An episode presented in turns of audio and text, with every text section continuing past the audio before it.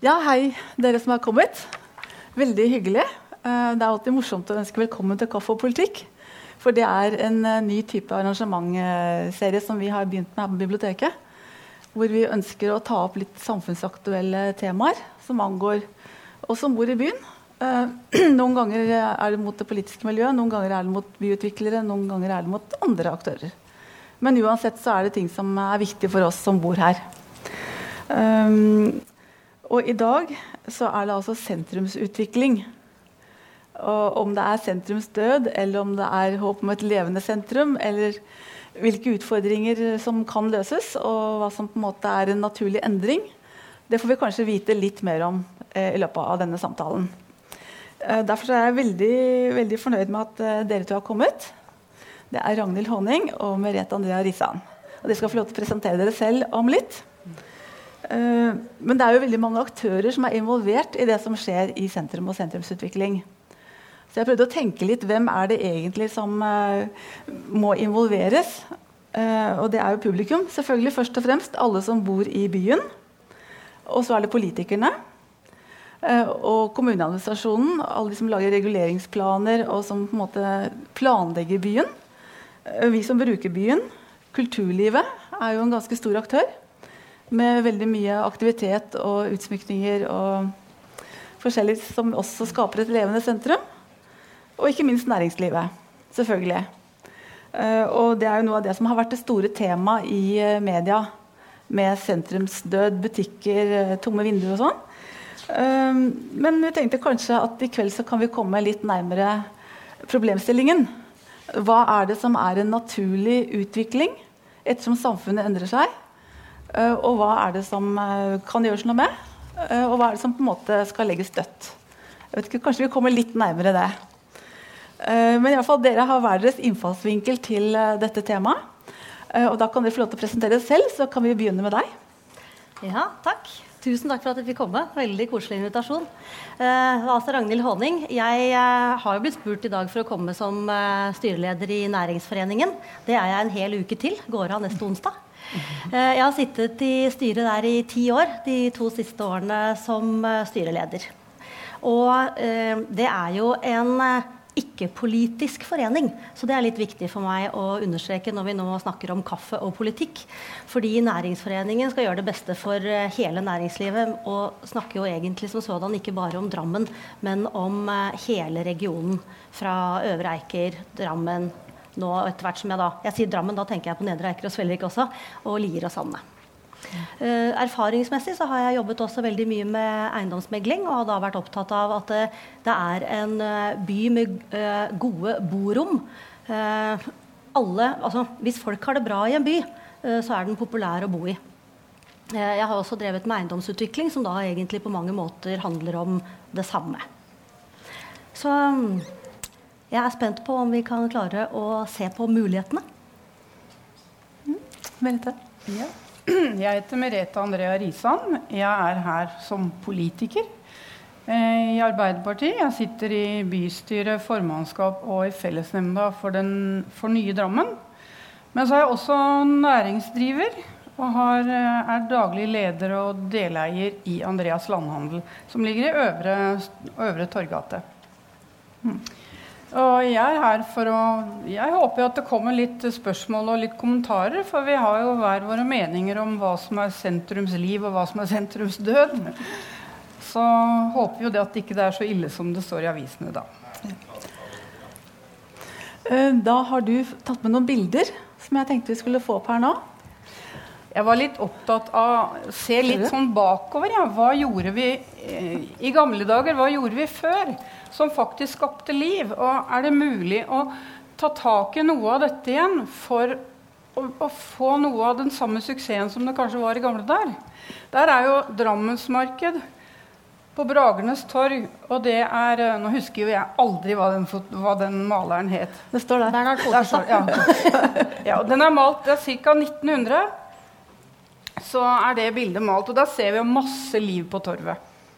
Boder og tivoli og allting. Og så hadde man jo også Drammensdagene. Eh, og det var eh, da gjerne knytta til Drammens bursdag, som var 19.6. Det var en helg, og da har vi det fra to forskjellige år, 53 og 54. Og da var det mye blest, og det var Drammenspiken, og det var eh, tivoli, og det, det, var veldig mye som skjedde. Jeg visste ikke at Drammen hadde en sånn bursdag. jo. Og så her også, Den var litt mellom det første bildet og de to andre bildene. Det var jubileumsutstilling. Det hadde man i, i parken. Eh, og da var det sånn at eh, da var det bedrifter som stilte ut forskjellige ting. Og var jo, Drammen var jo en industriby, så de hadde masse forskjellig å stille ut. Og det var flotte paviljonger. Så det var sagnomsust med denne her eh, utstillingen. da. Mm. Den var i 30. Mm. Det finnes jo veldig mange bilder fra gamle Drammen hvor vi ser at det var veldig mye aktivitet. Mm. Både i sentrum og i parken og forskjellige steder. Så det har skjedd mye. Mm. Eh, men for å være sikker på at vi, vi, er enige om hva vi snakker om, så hva er sentrum? Er det sentrum? Når dere tenker på sentrum, det, ser dere for dere byaksen? Mm. Um, Bragernes uh, torv, Vibroa og Strømsø helt bort til Marienlyst og badet. Um, tenker vi på det som ett sentrum, eller er det to sentrum i våre hoder?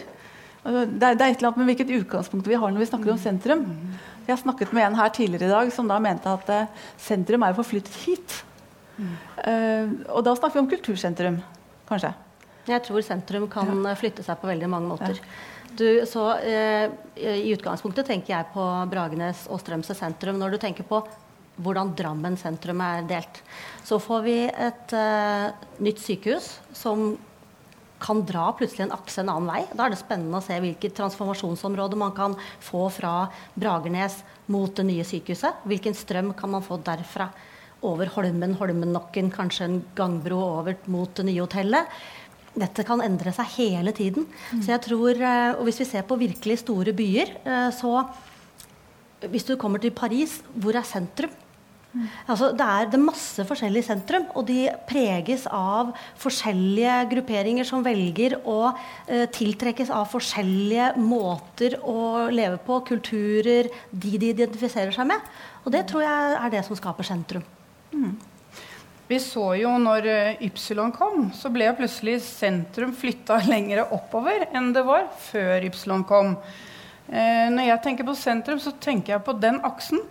Pluss de gatene som ligger altså, bort til teatret og bort til eh, Erik Børresens gate. Og over på Strømsøsiden så tenker jeg bort til eh, busstasjonen og Blix gate på den andre sida. At det blir liksom utvida, sånn at vi får med en del av disse tverrgatene til de to torgene i tillegg.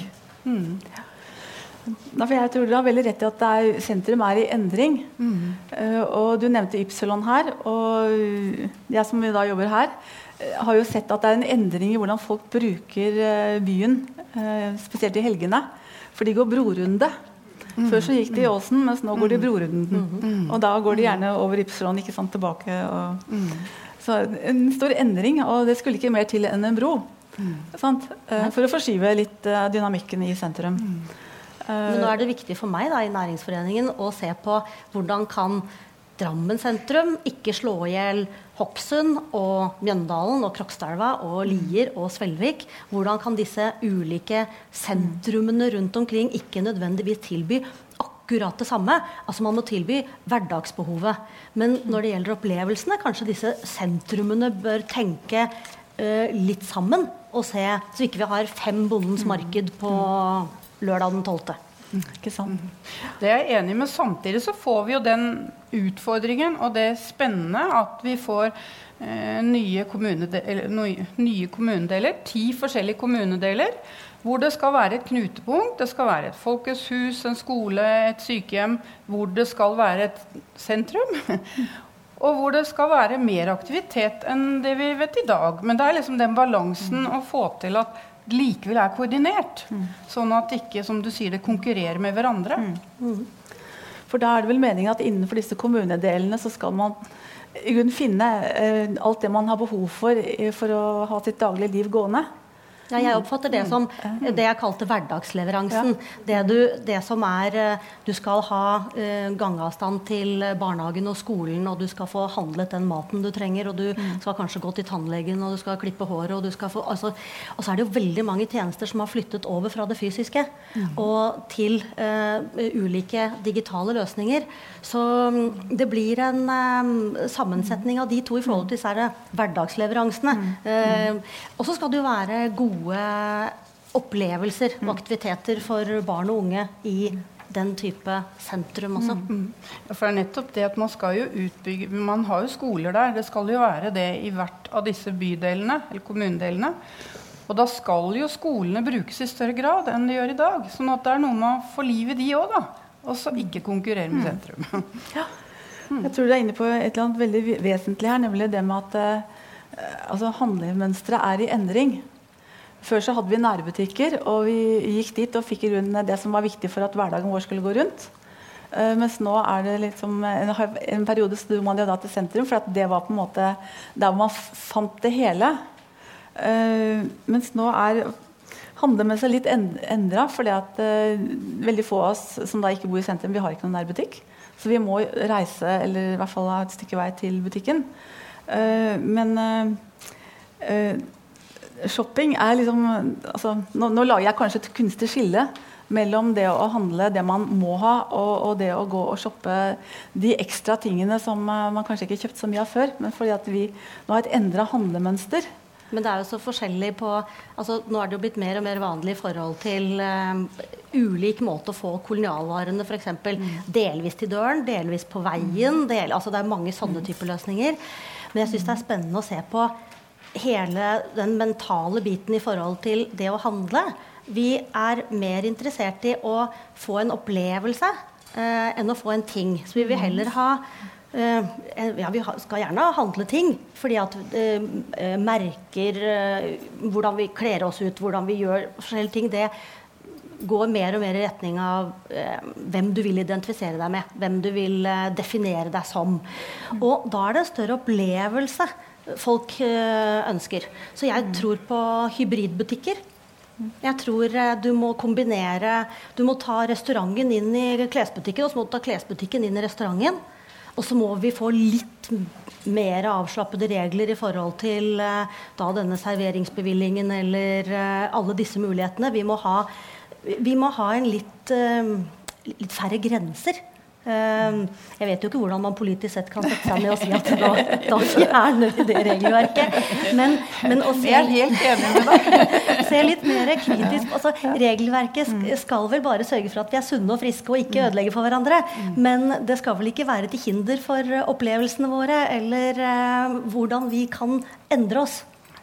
Ja, for Hvis vi ser på torget i dag da, tenker, altså, Jeg syns den kombiløsninga at du kan gjøre forskjellige ting du kan være på en restaurant og du kan få lov å handle litt. Torget er jo et eksempel på det motsatte. At der har det jo dødd på midten. Det vil jeg påstå. Det er nesten bare blomsterbutikken igjen som så vidt er der. Og det er noe med hvis man Ja, la oss få utesteder og serveringssteder rundt torget. Det gjelder jo begge torgene. I begge torgene. Det, få mer servering, få mer liv. Og så må man la det være enklere å komme med en altså at det kanskje tilbys bord, sånn at folk kan få lov å selge litt der. At det blir litt mer aktivitet. Uten at det skal være for mye av reglene at så, så mange meter har du, og det koster det og det. At det faktisk skal være sånn at man oppfordrer til å komme og selge på de torvene vi har. Det, ja. Kombi og gjerne litt underholdning i tillegg. ja, for da kommer folk til byen, og da bruker de butikkene i sidegatene også. Mm. Men underholdning, når du sier det altså Jeg, jeg så, tok et sånn raskt Google-søk og så på at Forbes de tok opp nå uh, at det er uh, The Retail Theater er det de snakker om. Altså rett og slett bare altså, eh, handle. Du er på et teater. Du skal sørge for å Du skal drive service på så mange ulike måter. Du skal invitere noen inn i butikken din. Der skal du yte service. Så skal du yte service til dem samtidig på en nettflate.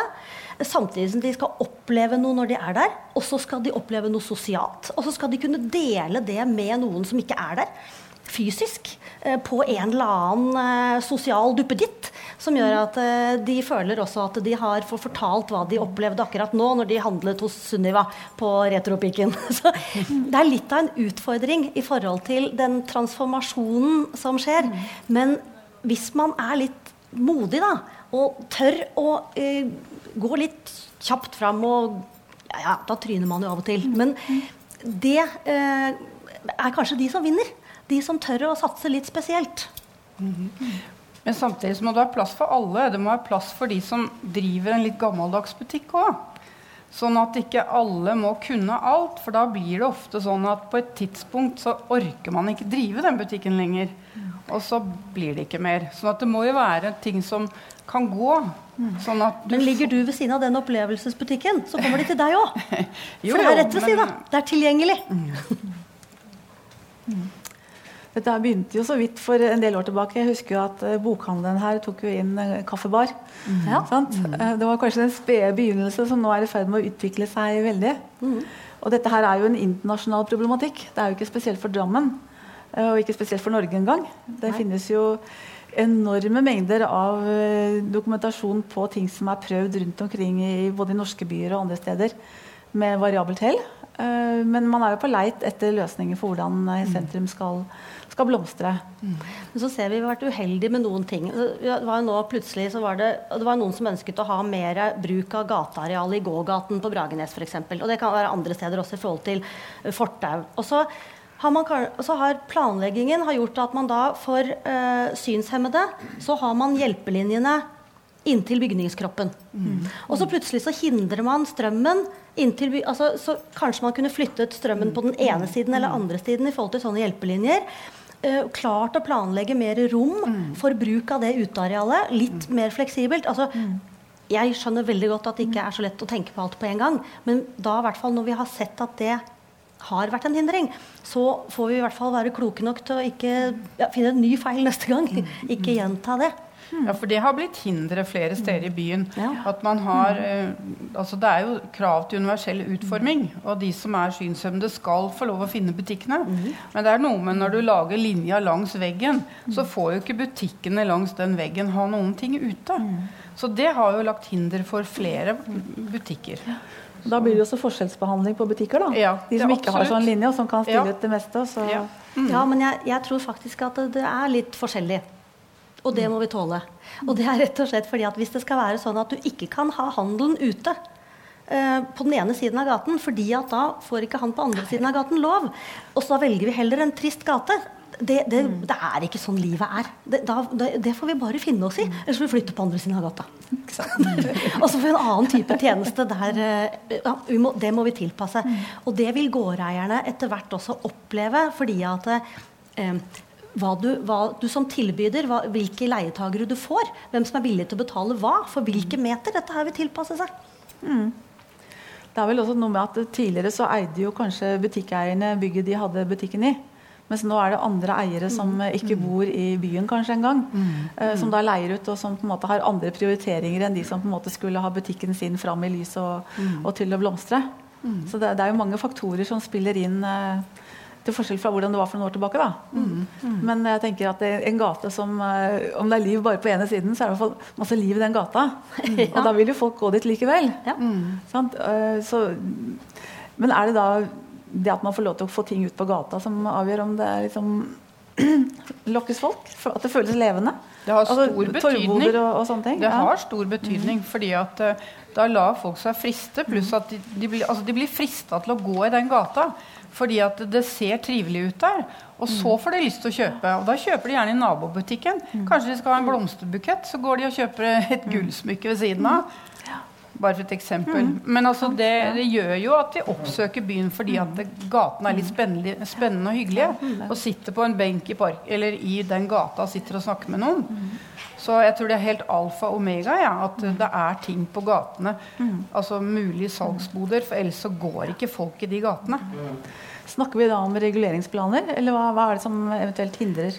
Vi snakker både om disse, disse eh, planlegging av selve flater mm. osv., hvordan de skal gjøres eh, mm. riktig for universell utforming, og vi snakker eh, reguleringer på mm. reguleringsplaner på mm. lengre sikt. Mm. Og, for, og, når du er inne på reguleringsplaner, det, det er jo et sånn bønn til politikerne i forhold til at det hvis man skal satse pengene sine på et transformasjonsområde, bygge opp noe nytt, begynne med en ny butikk, så er forutsigbarheten er noe av det viktigste. For hvis du ikke vet hvilke endringer som kan komme rundt neste sving, så tør du heller ikke å pantsette huset ditt og putte alle pengene der. Mm. Så det har noe med at eh, en god, langsiktig planlegging eh, som man eh, holder seg til, ikke for rigid, ikke for detaljert, sånn at eh, man ikke kan endre litt over tid, men forutsigbarhet for de som skal investere og bygge opp i områdene. Mm. Og så er det noe med at når det da bygges ut store boligkomplekser i sentrum, så må faktisk de som driver butikkene der, få nok informasjon. De må få beskjed om hvordan ting, hvilken tidsplan det er, og det må legges til rette, sånn at det ikke blir et nettinggjerde og en arbeidsplass. Altså Man må faktisk kunne sette opp noen vegger, sånn at det ser litt trivelig ut, selv om man holder på å bygge på baksiden. Så det ser vi at det der har blitt synda mot i byen vår flere steder. At når de veggene endelig har kommet, så har det vært nesten for seint. Mm. Det er kanskje noen som bør ta en forretningsidé inn fra Jeg har sett i mange byer i Europa, sånn Roma f.eks., som er en så ekstrem turistby. Jeg var veldig tidlig ute med å bruke veldig fine sånne mm. skjermer mm, utenfor stillaser og sånne ting, som gjorde at du nesten ikke kunne se om det var et gammelt bygg eller om det var under ombygging. Og uh, kanskje litt i forhold til den estetikken. Uh, og det går an å legge på litt krav da, i forhold til La oss få litt større fleksibilitet på hva man kan investere, hvordan bruken er, men legg litt mer krav i forhold til det, den estetikken som gjør at naboen lever godt mens man holder på med dette styret. For det er, jo, det er jo stygt å bygge ut. Ja, det pleier det å være det. det, og da er det en periode, og det er støy. Mm, mm. Ja. Og hvem er det som kan pålegge utbyggerne å, å ha sånne fine vegger? Man kan jo sette krav i forhold ja. til en, eh, en, en, eh, i byggerett, f.eks. Altså, mm. Hvordan man da kan få inn det. Ja, så kan man ja. sette inn den type krav. Mm. Men det skal mm. ikke være altså, det kan ikke være urimelige krav. Men, men mm det trenger ikke være veldig stor kostnad, det. Den sikkerheten de uansett skal ha mm. når man driver med uh, den type bygg, mm. så er det ikke det å gjøre det litt penere det som uh, blir den dyre effekten. Altså. Som du sier, så er det veldig mange andre store byer som har gjort det, akkurat det. Absolutt. Så, i Amsterdam så, så jeg en gang historiske bilder som det blåste ja, opp. Ja. På store, lange kvartaler, faktisk, hvor de mm, mm. viste mm, dramatiske scener fra byens historie. Mm. Ja. Det, var, altså, det var byggeplass, da, men det mm. så vi jo ikke noe til. Forretningsidé for noen i Drammen. Altså, kan trykke opp disse fine bildene, og så kan de kle inn byggene så lenge det blir bygget ut. ikke sant. Uh, det har jo vært en del snakk om hvem som bor i sentrum. Mm. Uh, det er jo bygd en god del uh, leilighetsbygg. Eh, og det har jo vært eh, snakk om at de er så dyre at der er det bare de eldre som da er godt etablert og som har råd til å, å bo, som flytter inn. Uh, og det har jo vært en, noen konflikter med utesteder og, lignende. Og så har jeg fått tak i et sånn strategidokument for nye Drammen kommune. Som også beskriver liksom, hvordan de ser for seg at sentrum skal bli litt framover. Og der har de da en mening om at urbane områder i nye Drammen kommune kan forvente en yngre bølge. Unge mennesker mellom 18 og 35 år flytter til bynære områder, etablerer seg og får barn som trenger barnehagetilbud. Det er en tendens til at de blir boende lenger enn tidligere før de flytter ut av bykjernen. Det er imidlertid fortsatt en hovedtendens at barnefamilier flytter ut av bykjernen. Men flere bor også alene. Um, i Norden gjelder det om, lag 40% av alle husholdninger, og i byområder er andelen høyere. I Oslo er det altså 70% i flere bydeler som er alenehusholdninger. Uh, og det vil jo også gjøre noe med deres behov for sosial kontakt utenfor hjemmet f.eks. Mm. Uh, og ha noen konsekvenser for uh, bylivet i sentrum. Mm. For de vil kanskje ha litt andre behov enn de eldre som da er godt etablert, som mm. da har kanskje et større nettverk i sentrum. Mm. Um, så hva tenker dere om det? Der har jeg lyst til å ta på meg Arbeiderpartihatten. Jeg skal ja. ikke ta den på så mange ganger i dag, men der må jeg si at uh, Drammen har ikke fått den peneste byen. Det har blitt mange store kolosser har, hvor det bor veldig mange godt voksne mennesker, og hvor leilighetene er veldig dyre. Og dette her er det er en politikk som ikke Arbeiderpartiet har ønsket. For de har ønsket mye mer familievennlige boliger, men det, det har det dessverre ikke blitt. Så nå håper jeg det at uh, alle politikere kan se hvor voldsomt det er enkelte steder, og at man kan få bygd ut mer familieboliger. Og litt billigere boliger, fordi at det igjen vil tiltrekke yngre med, med barn. Sånn at uh, der kjenner jeg at her har vi bomma litt. Det har blitt noen kvartaler som aldri kommer til å bli pene. Mm. Som er altfor voldsomme. Mm. Jeg tror i forhold til um, når, det, uh, når vi snakker om um, fortetting Og det er jo sånn det er jo når, det, når det blir fortetting, så blir det høyere. Og eh, priser i et sentrum altså Dette blir jo ofte også tilbud og etterspørsel, men det er jo ting som kan gjøres igjen med reguleringsplaner. Men vi ser i Oslo så ser vi at eh, eh, unge med barn bor lengre i sentrum enn før. Nærmere skolealder. Men det er en tendens til at når skolealder kommer, så skal nordmenn ha rekkehus, og vi skal ha en plen uh, foran. Uh, uansett. Um, det er nok i endring, eh, men eh, sånne ting tar av og til overraskende lang tid i forhold til hvis vi reiser ut og ser hvordan kulturer kan være andre steder. Men jeg har eh, tro på at vi er faktisk nødt til å ha fortettingen, for vi kan ikke klare å få en en kollektivtrafikk og en transport som vi har råd til hvis vi skal lage disse områdene for store. Så vi må faktisk fortette. Men jeg tror da er vi tilbake igjen på, på det regulative. fordi eh, vi kan ikke kreve så mye private uterom. Men vi kan sette større krav til uh, felles uterommene. Mm. Mm. Uh, det finnes innmari mange koselige bakgårder som uh, hindrer ensomhet, som gjør at det er trygt for barn å leke, men som mm. gjør at du har gangavstand til jobb. Mm. Og jeg tror her handler det om skal du få folk til å bo i sentrum og leve i sentrum og få eh, både eldre, barnefamiliene, alle til å bo der, så er det du må bo, og så må du jobbe, og så må du mm. oppleve. Og det må du faktisk ha muligheten til å gjøre i gangavstand. Den, den, må du få til. Og da er det den derre eh, Ja vel, vi må da være sånn at vi eh, tåler å bo eh, sammen med noen arbeidsplasser der, eh, leiligheter der, dele uterommet med flere familier. Eh, både enslige, eldre, unge og barnefamilier.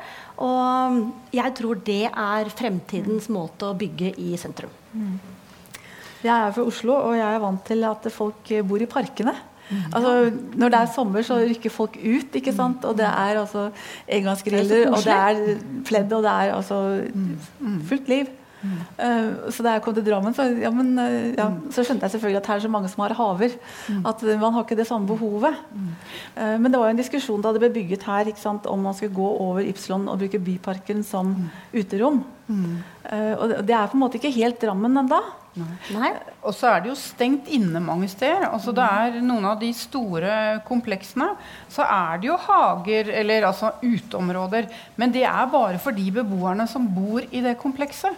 Sånn at eh, det at man bygger nyere med å ha at det er gangveier gjennom, sånn at det er offentlig bruk av en del av disse gatene som man faktisk stenger igjen fordi men, man bygger men større. Men da tror jeg ikke du får til barnefamilien.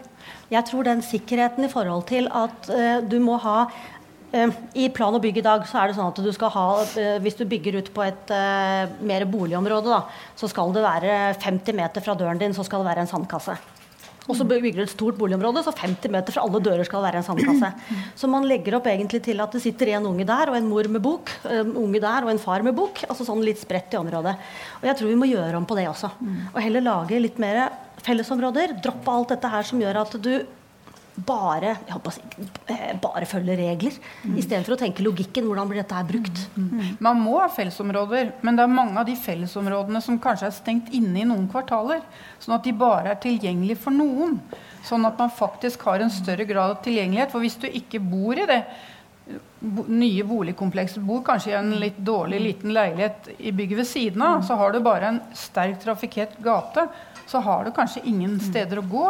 Men da må man lage parkene, tror jeg. Fordi at det, det er uh, Jeg ville jeg, jeg, ville tenkt meg at ja, kanskje jeg hadde sittet på terrassen og så hadde jeg sett at uh, datteren min lekte med tre stykker ute i hagen bak. Mm. Men da hadde jeg ikke ønsket at det var i en gangmulighet. Da ville jeg ønsket at det var en sikker mulighet. Jeg har tatt med bilde her, ja. Ja, den er helt herlig. ikke sant? Ja. Den, den, har jo virkelig vært en av de store vellykka mm. Mm. investeringene her i kommunen. Da så man behovet. Tjukk, så var parken full. Ja, det var ikke vanskelig ja, nei, nei. Det er veldig bra. Ja, jeg er ganske sikker på at veldig mange av de, de bor ikke i sentrum. Nei. Men det er fordi at det er såpass mye spennende der, ikke sant? og så er det andre der. Mm. Uh, og som du snakket om, sikkert, altså, Er det noe som skjer, så kommer, strømmer folk til. Mm. For vi er jo litt sånn at vi liker jo å være sammen. Mm. Noen ganger vil, vil, vi være alene sammen, og noen ganger vil vi være veldig sammen. Mm. Men det er alltid hyggelig når det er såpass aktivitet. Uh, er det innafor eller utafor sentrum? Det er i sentrum. Ja, det er i sentrum. Det er Ypsilon over også. sånn. Jeg vet hvor det er. Det er i Drammen, det er, ja, men så, det er i Drammen sentrum. Det var definisjonen på sentrum, ja. liksom, apropos. Fordi at, eh, er det, I forhold til deg som da driver butikk, eh, er, er det nært nok? Langt nok unna? Altså, får det noe effekt på, på sentrumshandelen? Ja, ikke noe særlig grad. Det er kanskje de som selger litt eh, matvarer. Og da tror jeg de går på Kiwi før de går litt. ja, det tror jeg. Men det er jo klart, det har jo litt mm. betydning for de som har, uh, selger matvarer. Det, at de har med seg noe, mm. det er jeg sikker på. Men tror du ikke det har betydning også for den sentrumshandelen? Fordi jeg ville da jeg ville kjøpslått med datteren min. Jeg, hvis jeg skulle ut i byen, så hadde jeg lyst til å gå i de forretningene og kikke. jo, jo, og så bytter jeg med Ja, og så skal du få en halvtime i parken. Ja. ja, hør det. Det, det, det var lurt. ja.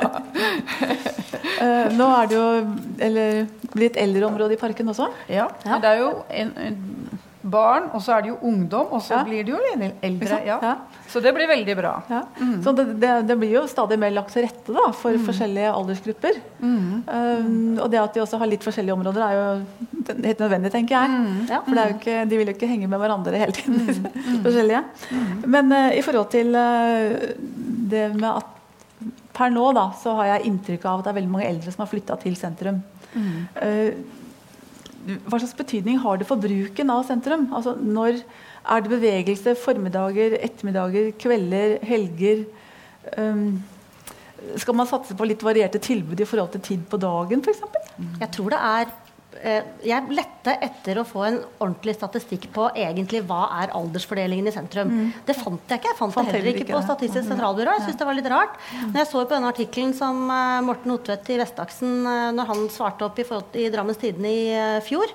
Og han snakket jo om hvem som hadde flyttet til Bragernes kvartal, er vel det. Mm. Og der var det egentlig sånn 50-50 på begge sider av 50-tallet. Yngste 21 og eldste 85. Eh, så, så, det var en relativt grei spredning. Og så er det jo ganske mange leietagere i sentrum. Altså, eh, de som har investert i flere leiligheter, det har også vært eh, en god del i sentrumsbyggene. Og leietagerne er jo ofte unge. Mm. Og det er mye lettere å få leid ut i sentrum til unge mennesker enn å si det at vil du ha leie sokkelleiligheten min på Konnerud. Det er mye vanskeligere.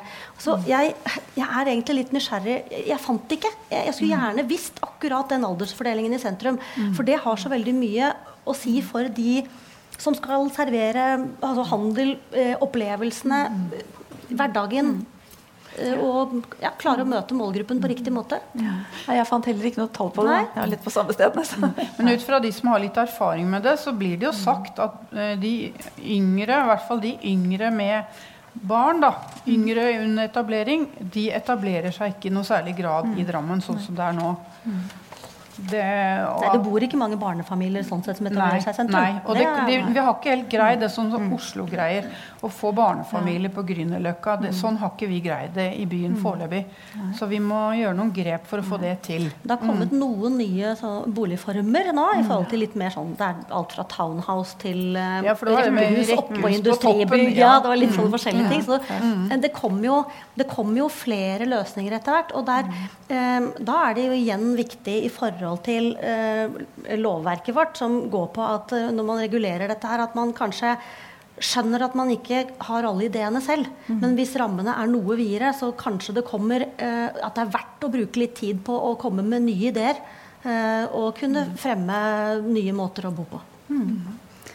Du nevnte Grünerløkka. Jeg tenker at Drammen, altså, Hvis man skulle hatt et sånt sted i Drammen, hvor ville det vært hen? Den Det må være Strømsø. bebyggelse har vi liksom ikke helt uh, Jeg kan Der ikke har du mer, liksom. eh, altså, mer Tollbugata, som eh, liksom er startet Mm. med det livet som er ja. der. Sant? Liksom litt mer alternativt sted, Ja, liksom. Rakere, ja, det er flere. Så ja, litt, sånn, litt utenfor, sånn at man kan lage litt uh, mindre områder på den måten. Det er jo forhåpninger til at Strømsø vil liksom bli den nye hippe bydelen. At man greier å trekke ung, yngre mennesker dit, og at man skaper litt annet miljø der. Man har jo en forhåpning om det. Men du var inne på um, med støy og sånn i sentrum, og eldre som bor i sentrum. ja. Og da må jeg jo si at den diskusjonen som har vært nå eh, Man kan virkelig ikke flytte til et sted med støy, og så våkne opp dagen etter et sjokk og si at nå må dere slå av. Altså, det, det, det har jeg ingen forståelse for. Jeg har forståelse for støy i forhold til helse. Eh, og da er det utbyggeren som må sørge for at eh, den bygningskroppen eh, egner seg, og at man kan lukke igjen verandadøren. og så slipper man å bli skadet av støy. For, for all del. Helse er foran. Men maken til surmaget eh, eh, å flytte til sentrum og så klage på alle som er der fra før, den tar jeg ikke for god fisk, altså. Nei, da dør sentrum virkelig. Ja, da Hvis dør ikke vi kan ha liv fra utesteder, og at det er levende musikk. Det, sånn går det ikke. Det, ja. Så det kan jo like gjerne være altså, Hvis man tenker at det er en fin blanding av aldersgrupper, da, så kan det jo like gjerne være barnegråt. Ikke sant? Ja. Eh, Ja, hvis, kan de, hvis du skal si det at det her, her må du holde innestemme. Ja. Fordi at det, det bor noen som ikke er så veldig glad i støy ved siden av. Altså, det, det faller på sin Ja, egen det gjør jo det. Ja. Så, det er jo det er jo mye som kan skape liv i, i byen, da. Um, Det blir vel litt sånn raushet å tåle hverandre, vel? det blir litt raushet. Ja, flytter du sammen med mange andre, så er det jo fordi at Ja. du skal tåle mange andre òg. Det er stor forskjell på å bo i enebolig og på å bo i blokk. Ja.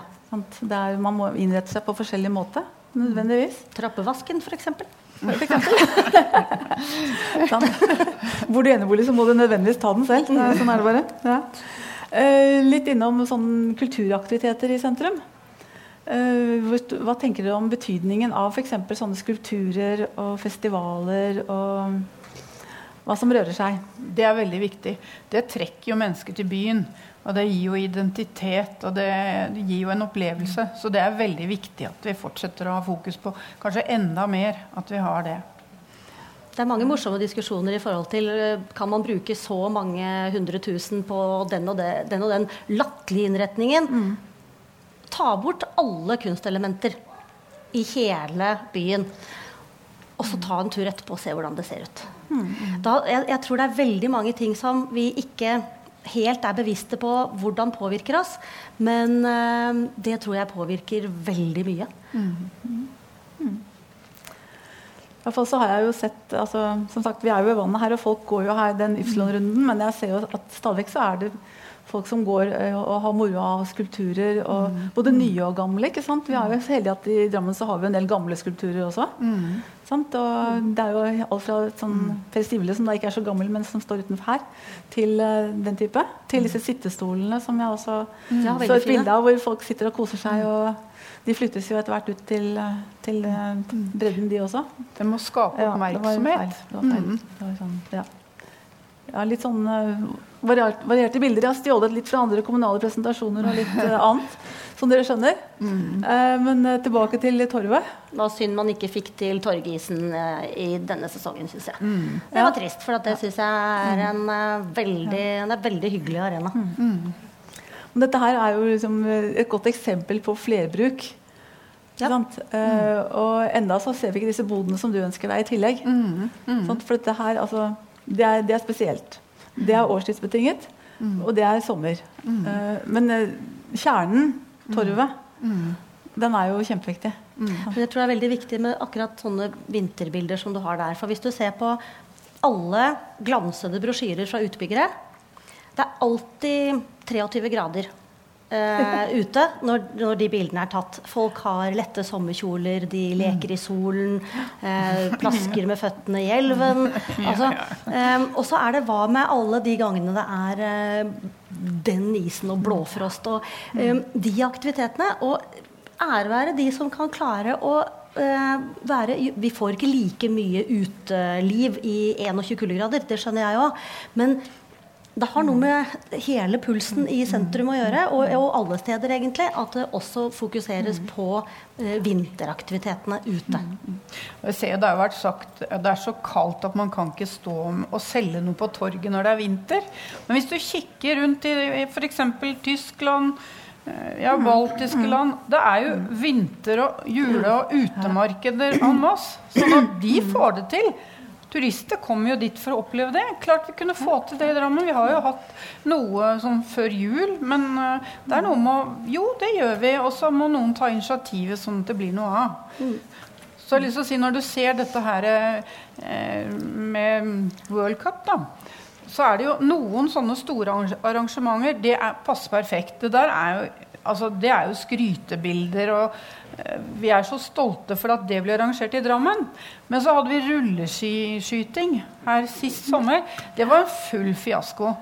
For det hadde noe med årstid å gjøre. Det, det, altså, det, skapte jo så trøbbel for de som solgte ting. og Folk kom ikke fram, og bussene gikk ikke. Så det er liksom ikke alt som passer inn. Så man må liksom men godt man prøver, da. Ja, men noen ganger så gaper man kanskje litt for høyt. Og så må kommunen betale en del i fiaskoerstatning etterpå. Men som du sa, med noen må ta initiativet. Og jeg tror at, eh, jeg tror at initiativet må komme fra, fra driverne selv. Altså det er, det er å si, eh, sånn Se på deg sjøl. Og det er Jeg må bruke sentrum hvis jeg ønsker at sentrum skal leve. Og driverne må uh, ta initiativ og gjennomføre og gå sammen om de aktivitetene som skal skje. For det er, det, det er de tingene som er helhjertet. Mm. Og det er det, de tingene som fortsetter. Hvis du får ja, nå skal du få 50 000 til å, at noen ordner for deg så blir det med det, tror jeg. Men vi har jo en forening som heter Byen vår Drammen, da. Så en ja. del av dette her tenker jeg er ansvarlig De er ansvarlige for å, ja, for å dra i gang, og så må de få med seg mm. flere. Mm. Og der er det jo både gårdeierne som er medlem, ja. og handelsstanden i sentrum. Mm. Og et veldig fint uh, samling for å gjøre ting mm. sammen. Ja. Og Drammen er jo også med i uh, Norsk sentrumsutvikling, mm. som jo er en ganske sentral organisasjon her for å få mm utvikling i sentrum i norske byer. Mm. Så, og det er byen vår Drammen sånn, som er ja. kontakt der. Ja. Mm. Og når det gjelder sånn byen vår Drammen og Næringslivsforeningen, så tenker jeg at de òg må være enda bedre til å lytte til de små virksomhetene som fins i byen. For det er i hvert fall vår opplevelse at uh, vi har ikke blitt spurt om noe som helst av våre behov. Uh, og det tenker jeg det gjelder sikkert flere. Må bli frekkere. ja, men litt Fortell sånn om behovene. Uh, ja. Så det går begge veier. Ja. Mm. En ting som har vært uh, en del snakket om i det siste, har vært bybussene. Uh, at de plutselig ikke stoppet på Torvet. Mm. Så var det plutselig en, en stor greie. Uh, og en stor aksjon for å få de tilbake til å stoppe på Torvet. Mm. Det gjør de vel om på nå, gjør de ikke det? De skulle gjøre om på det, ja. ja. Ja. Ja, så det endres jo, det. Ja. Men er det faktisk så viktig? Ja, det er veldig viktig. Ja. Det er jo en eh, fadese at det blir gjort sånn. Det er det store, flotte torget med de nye veier og busskur og allting, og så stopper ikke de folkerike bussene der. Det var jo Altså, du blir sluppet av sånn holdt på å si en, Det er ikke en bakgate, men du føler nesten at du detter rett inn til tannlegen og kinoen. For det er også kaldt og surt. sånn at jeg tenker jo, når folk går av i byen, så vil det spre seg i mye større grad å handle det som er på torget. De vil gå og besøke de tingene som er på torget og rundt torget. Så det har stor betydning. Det har det. Da må jeg si at det var veldig bra at det ble tatt så raskt eh, affære, og at mm. de fikk gjort endring på det. når det var, mm. altså, ja. Eh, administrasjonen og politikerne er vel til for at det, det, folk ønsker mest av i byen, får det som de vil. Mm. Det var veldig raskt innrømmelse at dette ja. kanskje var litt feil. det var det i administrasjonen, sånn at mm. de var veldig villige til å gjøre noe med det. Mm. Jeg så at uh, det er en garnbutikk borti en sidegate til Torvet. Ja. Som da har begynt å åpne klokka åtte om morgenen. Ja. Øvre Storgate. Ja. Eh, og de opplever jo da at da kommer det en del folk inn som f.eks. venter på bussen og skal på jobb og sånn. At de får uh, si, nye kunder ved at de har litt eh, andre åpningstider enn de andre butikkene. Eh, hva tenker dere om det? Veldig bra å se mulighetene. Prøve nye ting. Og altså være villig til det istedenfor å stå og se på at ting er vanskelig. Men noe jeg tenker nå, da. Hvordan blir det nå? Det, har jo de folkerike bussene blitt Der har folk har blitt sluppet av akkurat der, rett ovenfor den garnbutikken. Hvordan blir det nå når vi flytter tilbake til torget? Blir det veldig rolig der igjen? Men det er jo flott at man kan tilpasse litt, og at flere da har eh, oppe til andre tider. Det tror jeg er kjempeviktig. Kanskje vi er så stressa når vi tar bussen eller skal til og fra jobb og sånn at vi ikke tenker annet enn at vi ser bare det som er rett foran oss. Kanskje? Vet ikke. Men eh, det er, jeg, jo, jeg, når jeg leste artikkelen, jeg synes det var en morsom effekt. For jeg, jeg, jeg vet jo ikke om jeg hadde begynt å strikke om jeg hadde gått ut av bussen og sett på barn. Altså. Så, så, så jeg, nei, jeg er litt usikker på den effekten. Men Vi har jo tannlegekontoret liksom sånn rett ovenfor, så det hender jo noen null hull kommer ned og kjøper drops. Så det er sånn, sånn premie. Det kan ja, være du har nå. ja, det er topp. samspill. Ja. Men uh, i forhold til eh, si, ute av øyet, ute av sinnet, og hvor nært skal ting være, eh, så er det planer om en ny bybru. Eh, og det betyr at den som er nå, den eh, blir jo stengt eller borte. Og, og viktigheten av å få en midlertidig bro. Er den så stor at folk ikke kan gå for til Ypsilon og gå rundt sånn? Eller altså, er, er det en reell problemstilling at det må være en bro? I Næringsforeningen tok vi kontakt med administrasjonen med ordføreren. Og, og eh, vi fikk en god samtale med ham. Eh, og det resulterte jo også i at eh, ordføreren gikk og inviterte til å få flere eh, rimeligere mulige, muligheter for en midlertidig bro. fordi at det er alvorlig for handelsstand og næringslivet at man ikke har tilgjengeligheten over den aksen i tre år. Det er lang tid. Så eh, nå skjønte jeg at det kanskje er en runde i forhold til å se om det kan finnes eh, eh, andre muligheter. Eh, men eh, jeg skjønner jo også at eh, å, å si, bare legge en, en bro på elva og hindre alle snekkerreiser nedover elva og ut mm. fjorden i tre år heller ikke er enkelt. Så det er så veldig mange ting som må hensyntas, men det er alvorlig å få kuttet den aksen i tre år. Det er det. Da må jeg jo si at Arbeiderpartiet ble jo nesten litt i sjokk når Høyre stemte ned en gangbro som da Det var jo oppe i formannskap og bystyret. Eh, fordi at vi ville jo da ikke ha en midlertidig gangbro, men vi ville ha en permanent gangbro som ble gjort ordentlig. Og som kunne brukes både til sykkel og gange. Og jeg ser jo vi som da driver en butikk på den ene sida Hvis man ikke får en bro over, og alle skal gå langt Ypsilon eller eh, Øvre Sund, så blir, drar folk til kjøpesentrene. De gidder ikke å tukle seg over for å handle. Det gjør de ikke. Men vi har en helt, vi har, når vi så på det, det er jo en annen problemstilling enn bare handelen i sentrum der. Fordi at eh, det har med, med inn- og utpendling. Eh, og da eh, kommer da Altså, eh, jernbanestasjonen ligger der den ligger. Mm. og den er et knutepunkt i forhold til når man flytter seg ut og inn av byen. Eh, derfor er det viktig for langt flere enn de som driver akkurat butikkene Ja. i sentrum. Og vi satte veldig pris på i hvert fall at det da ble invitert til at man kunne se på dette på nytt. Mm. Så, Veldig bra dere tok det opp, for da kom det det, fra en annen vinkel.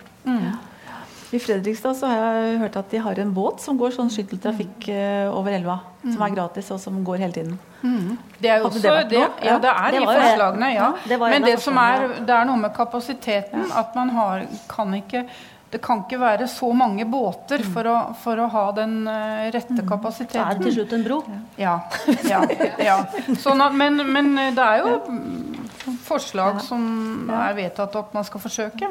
Og det er også snakk om når det da nye sykehus blir bygd, at man kan få til en, en ferje. Og da ønsker man jo da en elektrisk ferje som kunne gå fra jernbanestasjonen og til det nye sykehuset. Det er jo tatt opp som planer. Så mm. Nå er det, det, som er, det som er viktig, det er at det er totalt sett, altså både i eh, sånne faser og i permanente faser, at det er infrastruktur som fungerer. Mm. Altså Infrastruktur må ikke stoppe opp. Eh, den må fungere, og det må være flyt. Mm. Så vi får flyttet oss fra A til B. Det er det det handler om. Mm. Ja. Nå er det jo planlagt store eh, utbyggingsprosjekter på Strømsø. Eh, som vil påvirke den bydelen ganske massivt, bortsett fra den så skal jo jernbaneområdet utrustes. Mm. Uh, og det skal være en utbygging av intercitybanen med tunnel og si, utkjøring av masser på Austad og innkjøring i Danvik-området. Uh, som vil generere veldig veldig mye lastebiltrafikk gjennom uh, to-tre år. I hvert fall. Mm. det vil jo gjøre Strømsø sentrum veldig sårbart. Jeg tror alle transformasjonsaktiviteter eh, altså gjør området rundt sårbart. Ja. Mm. Eh, men vi kan ikke la være av den grunn. Mm. Og vi har hatt flere sånne endringer og utbygginger og nær sagt vanskeligheter som gjør at det plutselig er veldig mye bedre når man er ferdig. Så det må vi tåle. Mm. Det var jo som dette området her var jo så jo ganske begredelig ut en periode. Og så begynte man i en ende, og så har det jo blitt et flott område på Grønland. Så det er noe man, Men man må prøve å legge til rette så godt man kan. Men vi, vi er, det er nødvendig. Mm. Um, det var noe med Vi var så vidt innom det med at folk som jobber hjemme altså Endring i arbeidslivet, nye yrker, mm. nye behov. Altså man, man, ønsker både opplevelse og å være på nett og, og, gjøre veldig mange ting samtidig. Altså Multitasking er jo ikke noe nytt ord lenger. Uh, folk vil veldig mange ting samtidig. Uh, men, men, du snakket noe tidligere ikke i dag kanskje, men tidligere om nye yrker. Ja, altså jeg tenkte i forhold til, Det dukker jo opp både nye yrker og nye uh, tjenester. altså jeg tenkte, Vi, vi sto og snakket om det når det gjaldt Nordpost. Som, ja. altså Først så kutter posthuset ut uh, posthusene, eller Posten ut posthusene. Og så diskuterer f.eks. Nordpost å starte butikker for å levere ut nettvarene. ja, eh, og da er, det, da er, det, noe med Og da er det igjen liksom Jaha, hva gjør man da? Det kommer fram nye ting. Kanskje hybridbutikker. Hvordan skal du da uh, ha du kommer inn og handler i en butikk, men du samtidig kan handle på nettbutikken deres. Og Så kan du ta med deg det derfra, men så kan du få det utvalget fra nettbutikken. Og hvor raskt kan, du da få det til deg. Altså, det er sånn med Hvordan tilpasser man denne forretningen? Kommer sikkert med droner etter hvert. At, jo, men ikke sant? Har du et lager da, som er mye billigere å sette et helt annet sted enn i sentrum, så sender du den der sommerkjolen i størrelse 38, den sender du med drone ned til deg, og så sier du nå tar du deg en kaffe så lenge, og så flyr den inn om et lite øyeblikk.